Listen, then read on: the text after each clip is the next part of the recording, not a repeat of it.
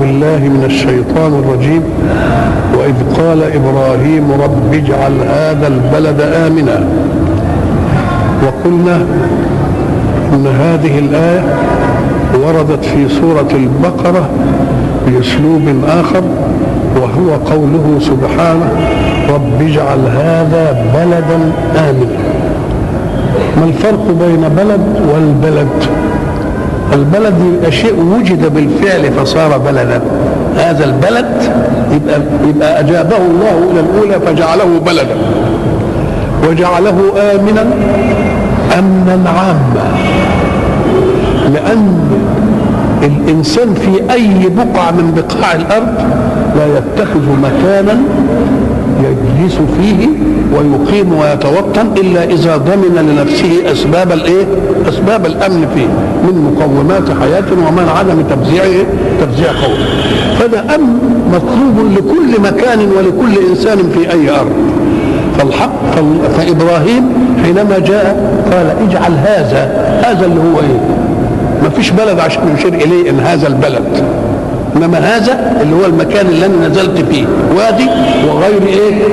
زرع ما فيش فيه شيء من مقومات الايه الحياة. يا رب أول حاجة اجعله بلد. وبلد آمن.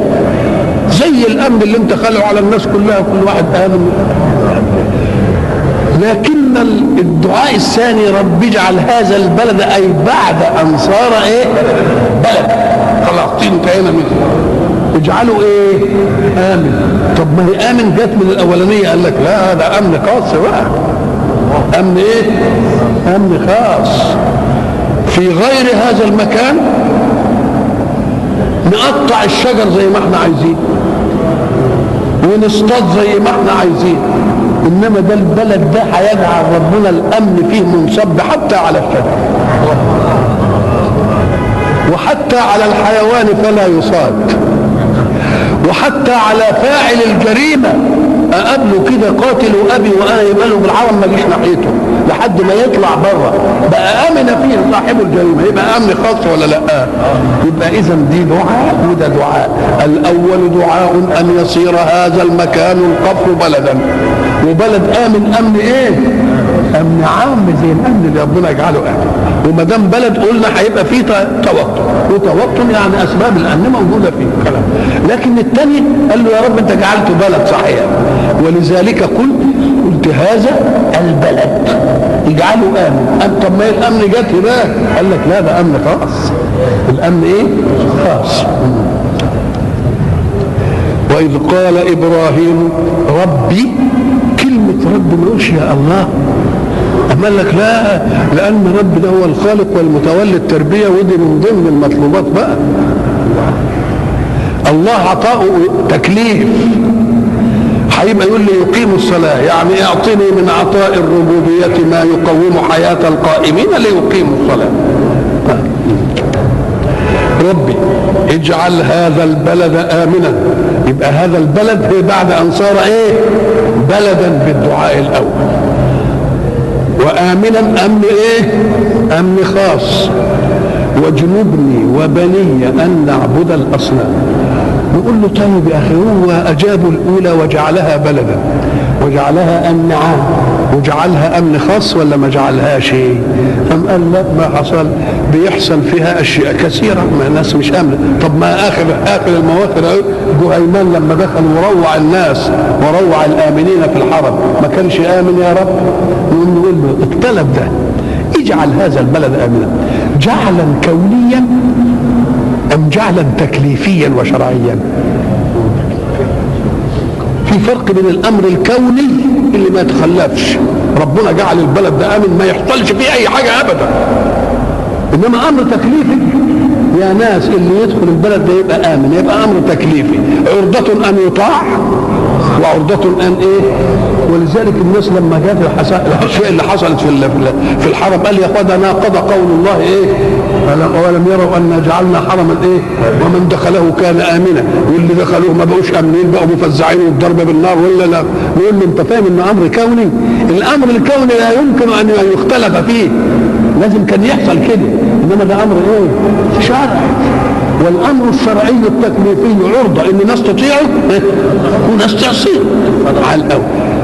يبقى اذا قول الحق سبحانه وتعالى ما جعلنا حرما آمنا جعلنا يعني كلفنا.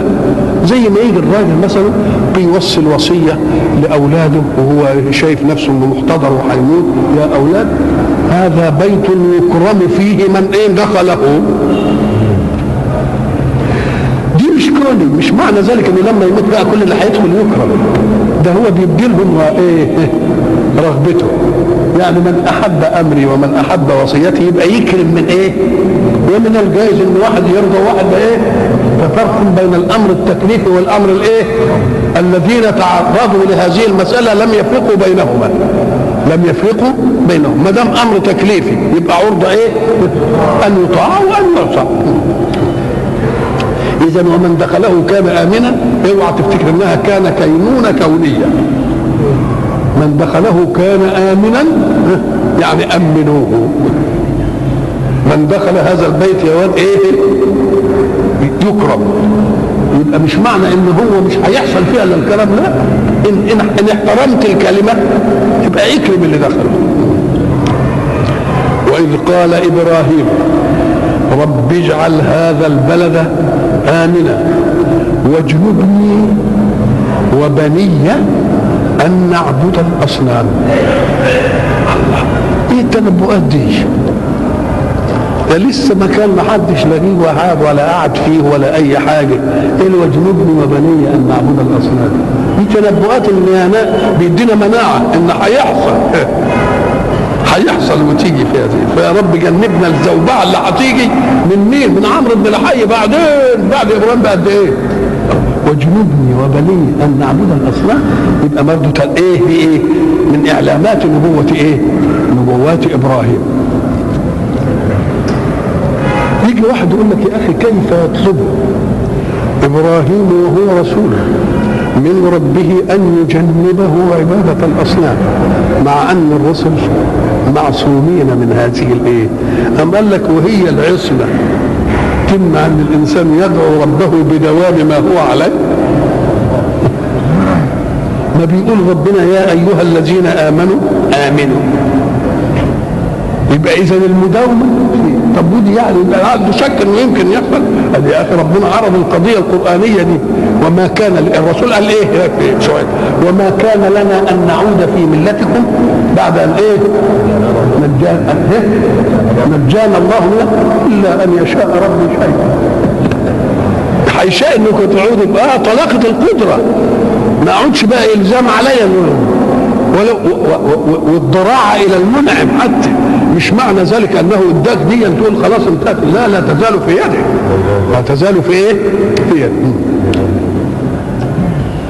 وإذ قال إبراهيم رب اجعل هذا البلد آمنا واجنبني وبني أن نعبد الأصنام.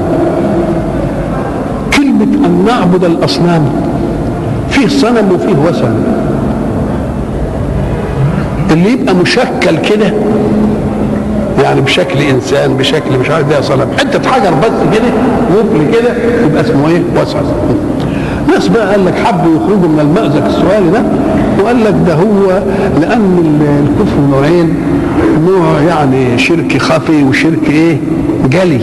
الشرك الجلي هو الشرك بالله والشرك الخفي إن الإنسان يحترم الوسائط أو إنه يدي للوصلة وللسبب فوق إيه؟ قال له برضه إبراهيم ما يصحش كده طب واجنبني وبني أن نعبد الأصنام. طب ما هم النجوم اللي هم مخاطبين بهذا هذا الكلام؟ عبدوا الأصنام وبني الذين يصلون إلى مرتبة الرسالة والنبوة مثلي ولا ما حدش من ذرية إبراهيم عبد صنم وكل اللي عبدوا من غير إيه؟ من ذرية إبراهيم جائز وإيه؟ وجائز وعلشان نعرف الأمور ونسحبها على مطلق أبناء سواء كان رسل أو غير أو غير رسل. نقول له لا ده المسألة دي مشروحة في في مواطن أخرى. المواطن الأخرى لما الحق سبحانه وتعالى قال وإذ ابتلى إبراهيم ربه بكلمات فأتمهن. ابتلاه يعني اختبره بتكليفات. فجاء بالتكليفات على وجه الإيه؟ التمام. فحينما جاء بالتكليفات على وجه التمام آمنه الله على أن يكون إيه؟ إماما. قال إني جاعلك للناس إيه؟ انت مأمون على ذلك. لأنك لما تؤمر بأمر بت إيه؟ في واحد ينفذ الأمر كده اسمه إيه, إيه؟ زي ما إحنا نسميه كده في الريح ليش إن كان. يعني بس. وفي واحد إيه؟ يؤديه بتمامه فما دام اداه بتمامه بعد الابتلاء والاختبار ربنا قال له إني جاعلك للناس إماما. الله. فكأن حيثية الجعل للإمامة من الله أن يوفي الإنسان مطلوب الله بدقة وإيه؟ وأمانة. إذا كان ده دستور الله في الخلق. يبقى لازم نتخلق بأخلاق الله وبرضه ما نجعلش إمام في أي حاجة إلا إيه؟ إلا من يحسن. إلا من يحسن مش كده؟ ولذلك النبي عليه الصلاة والسلام ما قال كده. اللي يولي واحد في عمل وغيره أكفأ منه لا يشم رائحة الجنة. ليه؟ لأنه ده بيعمل فساد في الوجود. فساد في الوجود. والفساد اللي بيحصل في الوجود من أن يوسد الأمر إلى غير اهله ليه؟ أم قال لك لأن كل إنسان يوسد أمره هو أهله ينفذ الأمور كما إيه؟ ما يجرأش حد ما يبقاش أسوة كده للسوء لأن الأسوة للسوء تعمل عدوى يتفشى السوء إنما لما ما يحصلش ليه؟ هو ال ال ال ال ال الأولاد الصغار الذين نشأوا في السعودية بعد اللي سرق تتقطع إيده. بعد كده ما عرفوا الحكاية دي إيه اللي حصل؟ ما حدش يسرق ولذلك كل السراق يبقوا من حتت ثانية من أماكن أخرى ليه؟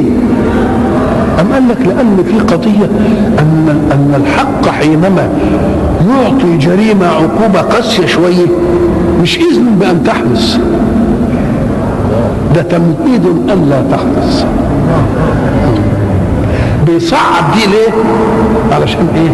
ما تحدثش ولذلك لما يجي يقول لك بقى يا أخي الإسلام ده يقول لك لا اكراه في الدين وبعدين يجي لما واحد يسيب الدين ويمسكوه يقول لك نعدمه ولا نموته ولا بتاع ولا لا مثلا تقول له الله هي دي.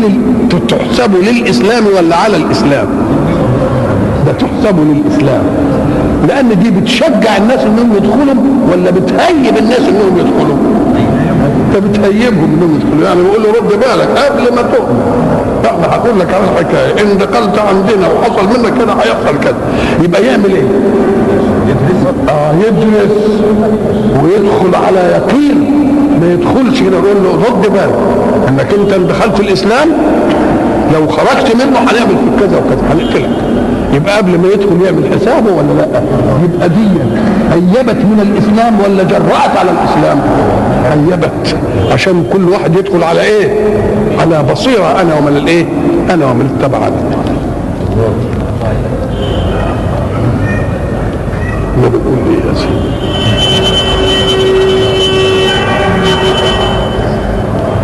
ربي إنهن أضللن كثيرا من الناس. لا كنا بنتكلم على كده إبراهيم إن القضية مبتوتة في الذريه وبنية أن نعبد الأصنام.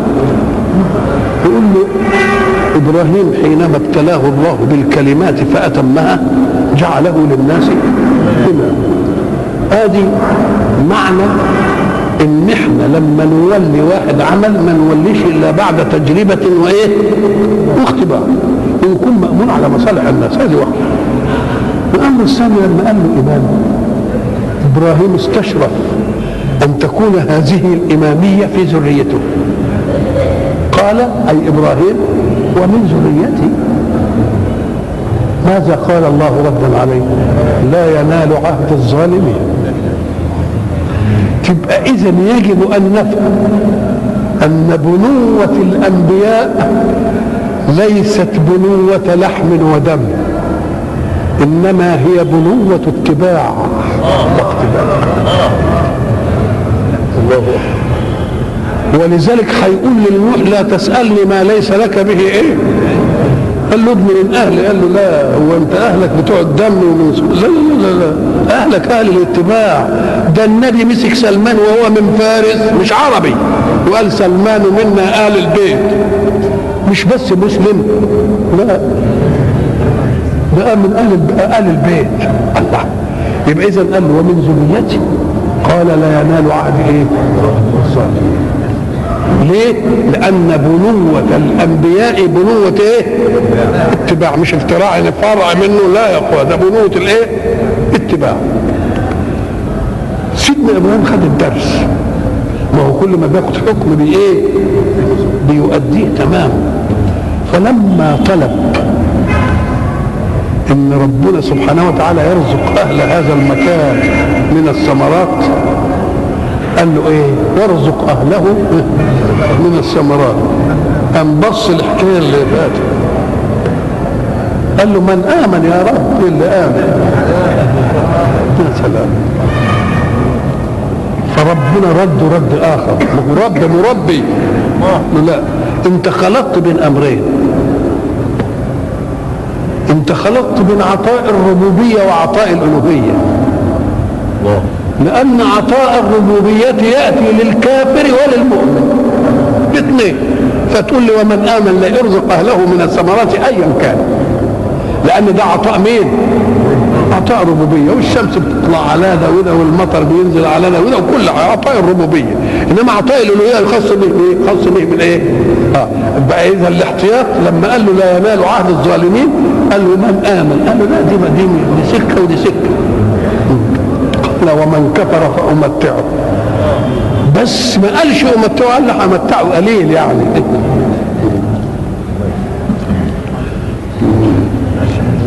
وجنبني وبني أن نعبد الأصنام. ربي إنهن أضللن كثيرا من الناس. إنهن أضللن كثيرا من الناس؟ الله. مين اللي أضل الأصنام. طب الأصنام ملهاش لا كلام ولا حديث ولا قالت لحد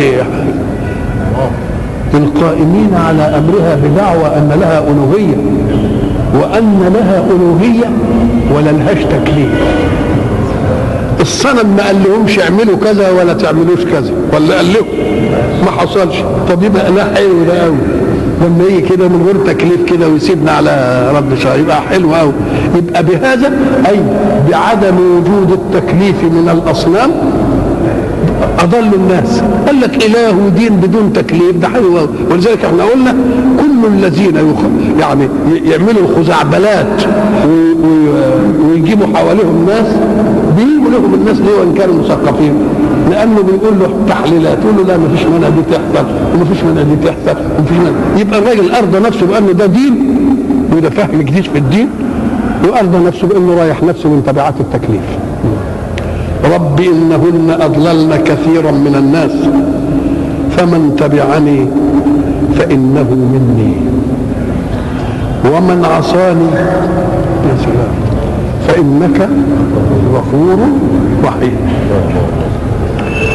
تعقيبات في مسألة الغفران والرحمة بعد العصيان. مرة يعقبها الحق العزيز الحكيم ومرة يعقبها بالغفور الرحيم. يقول لك لأن الجرائم بتختلف. ففيه جريمة اسمها الخيانة العظمى أو جريمة القمة. اللي يدعي إنه إله ويعمل مش عارف إيه. وفي جريمة ثانية ففي مسألة سيدنا عيسى إن تعذبه هناك لما قال إيه وإذ قال الله يا عيسى ابن مريم أأنت قلت للناس اتخذوني وأمي إلهين من دون الله؟ قال إيه؟ ماذا قال؟ إن كنت قلت فقد علمت تعلم ما في نفسي ولا أعلم من نفسي طب وإيه وبعدين وإيه اللي يحصل تاني؟ إن تعذبهم فإنهم عبادك وإن تغفر لهم فإنك لا العزيز الحكيم. جت بعد العذاب العزيز لأن دي عملية قمة. فطب وإيه حديث حكيم تناسب؟ ما هي برضه بعض الناس اللي بيستدركوا على القرآن يقول لك هو هو الموقف. مناسب عزة وحكمة ده الموقف مناسب إيه؟ مغفرة ورحمة. أن تعذبهم فإنهم وأن تغفر لهم فانك يبقى في غير القرآن غفور رحيم. دي المناسبة يعني نقول له لا. ده دليل على أن الجريمة مش بس يعاقب عليها ربنا. ده البشر المؤمنين بالله إن ملكوا أن يعاقبوا يعاقبوا عليها. فإذا غفر لهم يقولوا له لا يا رب مالكش حق تغفر لهم ده أولاد إيه؟ مش عارف إيه. لكن ربنا لأنه عزيز ما حدش وحكيم ما حدش يقدر يقول له انت عملت كده ليه؟ كأنه عمل المسألة المنطق ما إيه؟ ما يجيبهاش. طب والمنطق ما يجيبهاش مين؟ أما قال لك الناس الغيرانين على وحدانية الله. ده ساعة ما يشوفوا الناس عملوا كده يقول لك احرقهم ولا اعملهم. يقول لك لا لأنه عزيز حكيم بقى ما حدش يقدر يقول له إيه؟ ما حدش يقدر يقول له حاجة. يبقى هناك مناسب عزة وإيه؟ وحلف. واصبر وراه رب انهن أضللن كثيرا من الناس. تاتي الصفات مناسبة للمقدمات الصدرية في الآية. تعطينا إن القرآن من لدن حكيم خبير. واللي ربنا اوحى له القرآن سنقرئك فلا تنسى. إيه اللي يخليه يجي في الايه دي يقول غفور رحيم إيه؟ وفي الايه دي عزيز حكيم مع إن السياق المعنوي كده يعني. طب إيه اللي يخليه إن تعدوا نعمة الله لا تحصوها؟ إيه؟ وإن الإنسان لظلوم كفار وإن تعدوا نعمة الله لا تحصوها إن الإنسان إيه؟ الله الله. إيه اللي يخلي الحكاية دي تيجي إزاي؟ ده تيجي زمان سنقرئك فلا إيه؟ فلا تنسى. إن هذه تذكرة. آية آية إن هذه تذكرة. تقراها إزاي يا رسول الله؟ فمن شاء ذكر.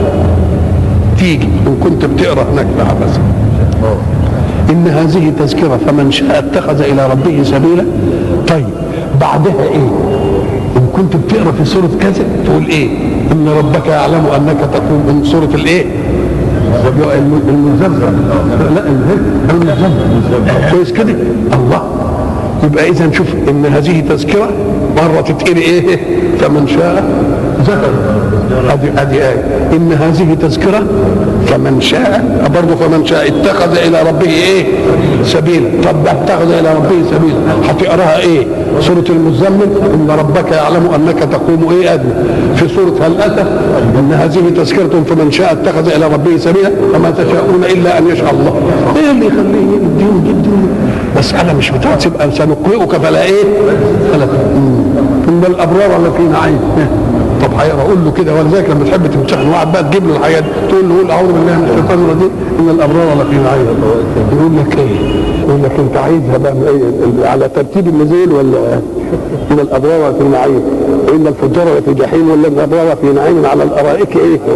ينظرون هناك كتير حاجات كتير وفكروا فيها. تلاقوها حاجات عجيبة والنبي إزاي بقى ينزل عليه الوحي دلوقتي وبعدين يقرأ الآيات؟ هذه الايه ودي ودي إزاي تيجي دي؟ ما تجيش ابدا إلا إذا كان سنقرئك فلا إيه؟ فلا تنسى.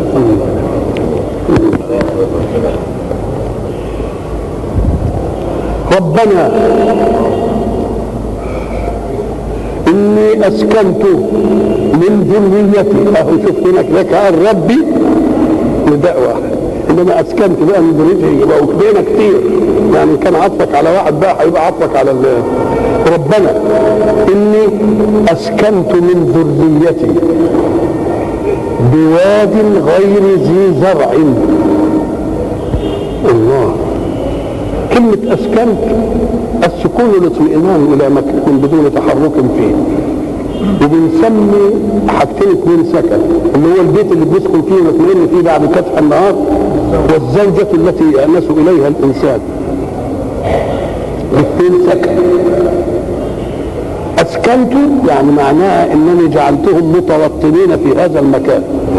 كلمة أسكنت تدل على أن مقومات السكنة لازم تكون موجودة. والوادي غير ذي زرع. بواد غير ذي زرع. طب إيه الإغراء فيه دي بقى؟ أم أنا عند بيتك المحرم؟ الله يبقى كن إيه؟ العقبه الاولانيه وادي غير الزرع ويجيب ناس يقعدوا فيه. أما انه أصلا عند بيت المحرم ما دام بيت الله المحرم تبقى إيه؟ تبقى لازم هتجيله بركة وهتجيله مش عارف إيه وهتجيله إيه وربنا ليقيم الصلاة. الله. اذا فأصول التوطنات مش يجب أن تكون توفير مقومات حياة ولا ترف حياة. لازم المقومات دي تكون أتعينني على ديني أو لا تعينني على ديني؟ الذي يهاجر من بلد إلى بلد. يقول له انت مهاجر إيه؟ عشان إيه؟ عشان لازم تطمئن على سلامة دينك أهناك تستطيع أن تؤدي أمور دينك بدوني إن ما كانش تبقى مش نافعة. يبقى لازم دي تطبيق دي فساد الناس بيجي منين؟ من انه بينظر إلى جزئية معوضة. ويفقد جزئية غير معوضة. وجزئية موقوتة. وجزئية ثانية غير موقوته وبتضطرهم ظروفهم وأحداث الحياة التي تحيط بهم إنهم هم ما يقدروش يوازنوا بين حياتهم الإيمانية وحياة الإيه؟ البيئات. فبده يخلع نفسه مما كسب طيلة مدة اقترابه ولا تجيلوش البلاوي اللي, بتحصل دي. يبقى عنده مثلا ولد وعنده مثلا بنت. يا أخي الولد الذكر بيبقى محتمل. ان واحد يجوز له بنت من هناك قد إيه معه. انما طب البنت بقى نعمل فيها إيه؟ ساعة ما يشوف بنته كده كبرت وابتدت وبتاع ثم يرى البنات اللي حواليه الجنس اللي عايش فيه ان بيبقى لها مثلا حبيب وعايزين يدخلوا البيت وتطلع وياه وتروح وياه من جن الراجل بقوا يجيبوا بناتهم يقول لك أنا عايز أطلع من كل ما اكتسبت ولا تحصلش الإيه؟ ولا تحصلش الحكاية دي. يبقى عند بيتك المحرم هي اللي خلت إيه؟ شفف الحياة هنا وإيه؟ محتمل وإيه؟ ويقبل. ربنا إني أسكنت من ذريتي بواد غير ذي زرع غير صاحب زرع. الله طب واد مش مزروع؟ أم قال لك مش مزروع دي؟ عرضة من يستصلحه في فيزرع زي اللي بنستصلحه دلوقتي. إنما أصل دي حتة حجارة كلها. ما ينفعش يبقى غير ذي زرع يعني إيه؟ مش هنيجي نستصلحه. يبقى ما فيش أمل اننا نجيب منه حاجة. ما يمكنش. بواد غير إيه؟ ذي زرع وده المقوم بتاع الحياة. طب انت طب ليه؟ مش المقوم الثاني. ده المقوم الأول هو الإيه؟ المية. مقومات الحياة كما قلنا إيه, إيه؟ الهواء والماء والقوت. طب هو ماسك الهواء طيب. ويجيب الزرع ونسي الميه قال لك اصل دي أماكن بيجي فيها سيول ويجي فيها مطر ويجي فيها عيون بتتفجر وبتاع وحاجات زي دي. إنما إذا تفجرت العين في صخر يجي منين؟ يجي الزرع يجي الزرع يبقى ما قالش بواد غير مزروع لأنه عرض أن يزرع. وإلى لقاء.